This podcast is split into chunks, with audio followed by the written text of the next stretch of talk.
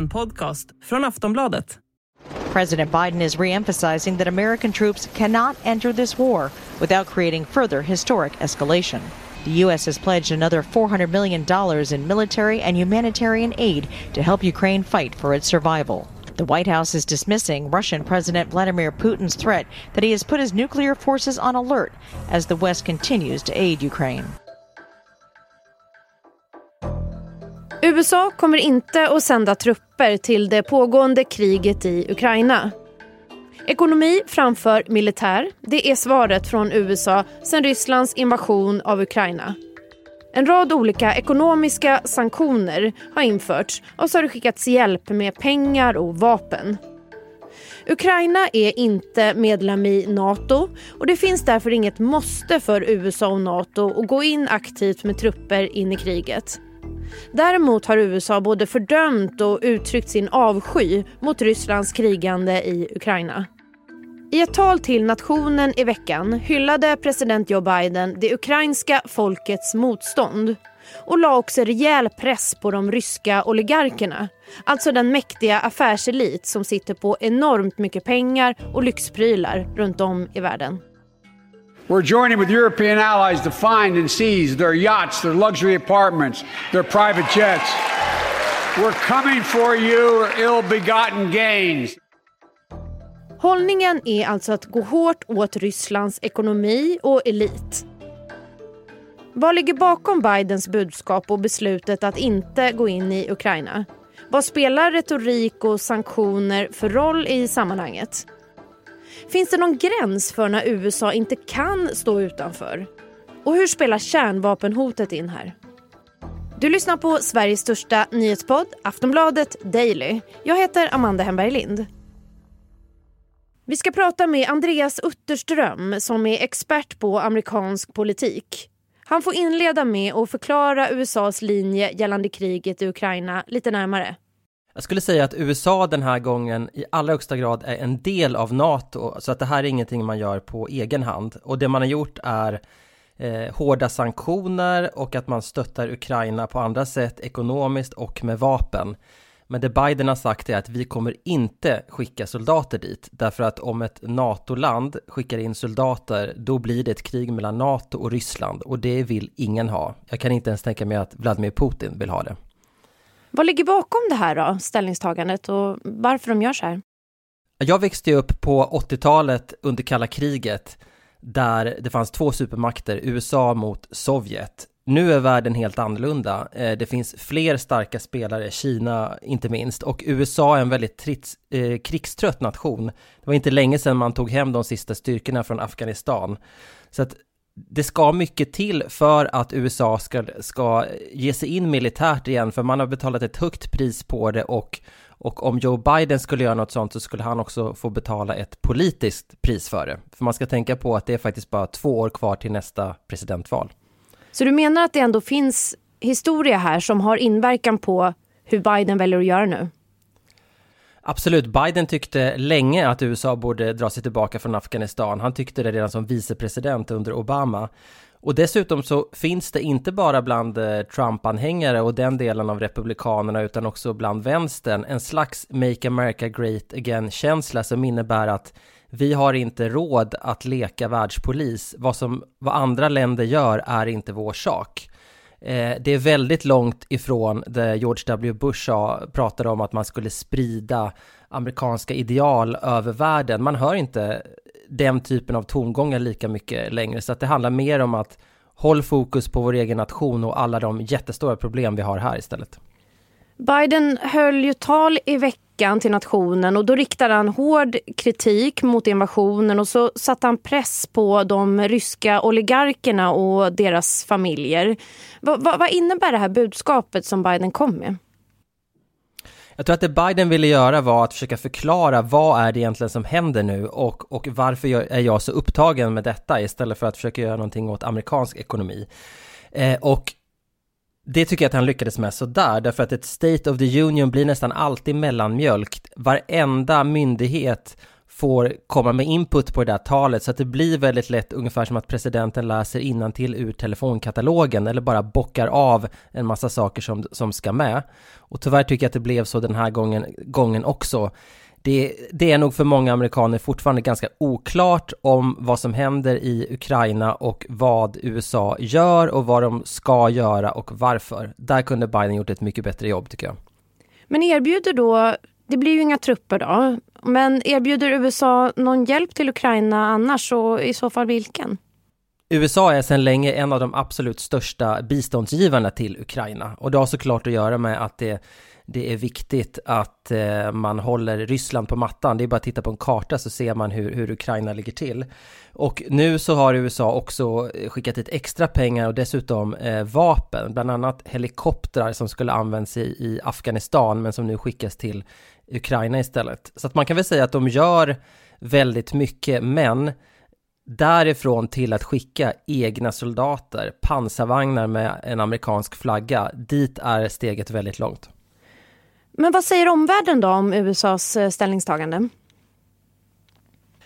Jag tror att många har vant sig vid att det är nya tider nu. Eh, Angela Merkel, eh, Tysklands eh, ledare, sa 2017 att vi kan inte längre eh, lita på att USA är en pålitlig partner för Europa. Och det här var ju under Trumps tid. Därför att han var ju verkligen Make America Great Again och America First och så. Men jag, jag, tror att många runt om i världen, såväl liksom ledare som, som medborgare, inser att att man kan inte räkna med att USA ska komma och, och eh, rädda saker hela tiden därför att den viljan finns inte längre och det här är en supermakt på deke som har väldigt stora problem med allt från ekonomi till, till stor splittring så att det är nya tider där andra får kliva fram och där ett samarbete som NATO blir mycket viktigare, att man går, går ihop. Och där är det ju en jätteskillnad mellan Biden och Trump. Trump vill ju gå ur NATO, han tycker det kostar för mycket pengar. Här tycker jag det visar styrkan med NATO, att man har kunnat göra gemensam sak och att det får stor effekt. Och det ligger mer i linje med hur eh, Biden ser på utrikespolitik. Men finns det då någon tydlig gräns när USA inte kan stå utanför kriget? Har du uttalat någon sån eller finns det någonting som inte sägs men, eh, men gäller? Vad tror du? Alltså NATOs princip är att om ett land blir attackerat ska alla andra ställa upp för det landet. Så om, om eh, Ryssland skulle attackera ett NATO-land, nu är ju Ukraina inte ett NATO-land, då blir det svårt att inte slå tillbaka. Men, men jag tror inte att eh, Putin är så mycket eh, kamikaze-pilot att han skulle göra det. Eh, en annan sak som man skulle kunna tänka sig det är ju om det blir så stort li lidande och så enorma mänskliga förluster i Ukraina och det sprids eh, otäcka bilder, det kanske eh, kommer någon, någon, något barn eller någon gravid kvinna eller någonting som blir en symbol för den här eh, slakten. Att då blir opinionen så, eh, så stark på hemmaplan så att Biden känner sig tvingad att göra någonting. Men jag tror att det ska väldigt mycket till för att han ska gå den vägen därför att ger man sig in i ett krig så är det svårt att dra sig ur. Det är en läxa som USA har lärt sig i både Vietnam och Afghanistan. Men hoten om kärnvapen då från Rysslands sida, hur ställer sig USA till det? Jag tror att den vanliga amerikanen funderar i samma banor som den vanliga svensken. Är det här vapenskrammel eller menar han allvar? Och det är ju ytterst eh, oklart. Eh, för mig är hela Ryssland väldigt gåtfullt. Eh, I USA finns det ju fria medier och det läcker från Vita huset och man kan få en slags bakom kulisserna beskrivningar på vad det finns för olika fraktioner och sånt där. Jag menar, det, det finns ju inte i Ryssland. Där är det ju statligt ägda propagandamedier i mångt och mycket. Så det är väldigt svårt och eh, och eh, bedöma. Och det jag tycker är intressant är att det Biden har gjort är att istället för att sätta hårt mot hårt så har han försökt kyla ner situationen. Alltså något slags eh, lågaffektivt bemötande. Eh, och den vägen hade man nog inte valt under kalla kriget på 80-talet när jag växte upp. Men, men nu har man uppenbarligen kommit fram till att det, det är det som är bästa vägen. Du har uppmärksammat en sak som du tycker sticker ut gällande vissa republikaners attityd eller syn på Ryssland. Kan du berätta om det?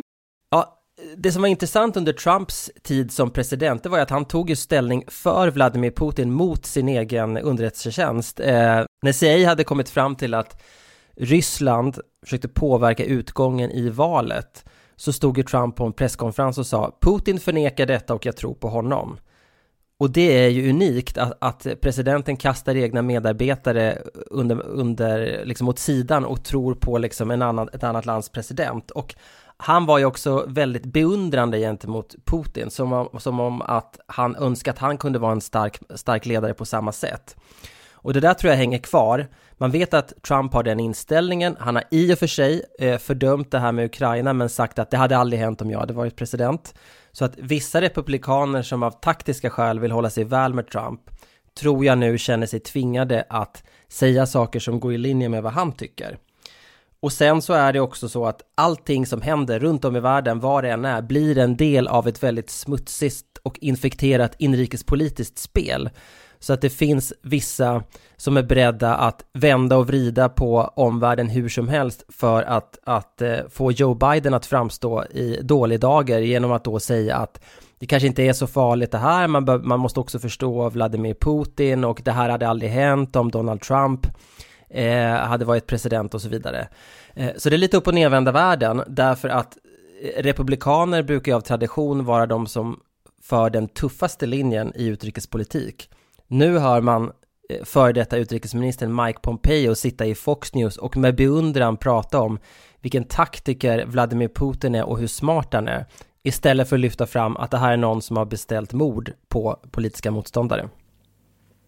Men opinionen då? Hur, hur ser den ut i USA? Finns det röster om en annan linje eller är det många som är på Bidens sida och inte vill att det ska sändas in trupper?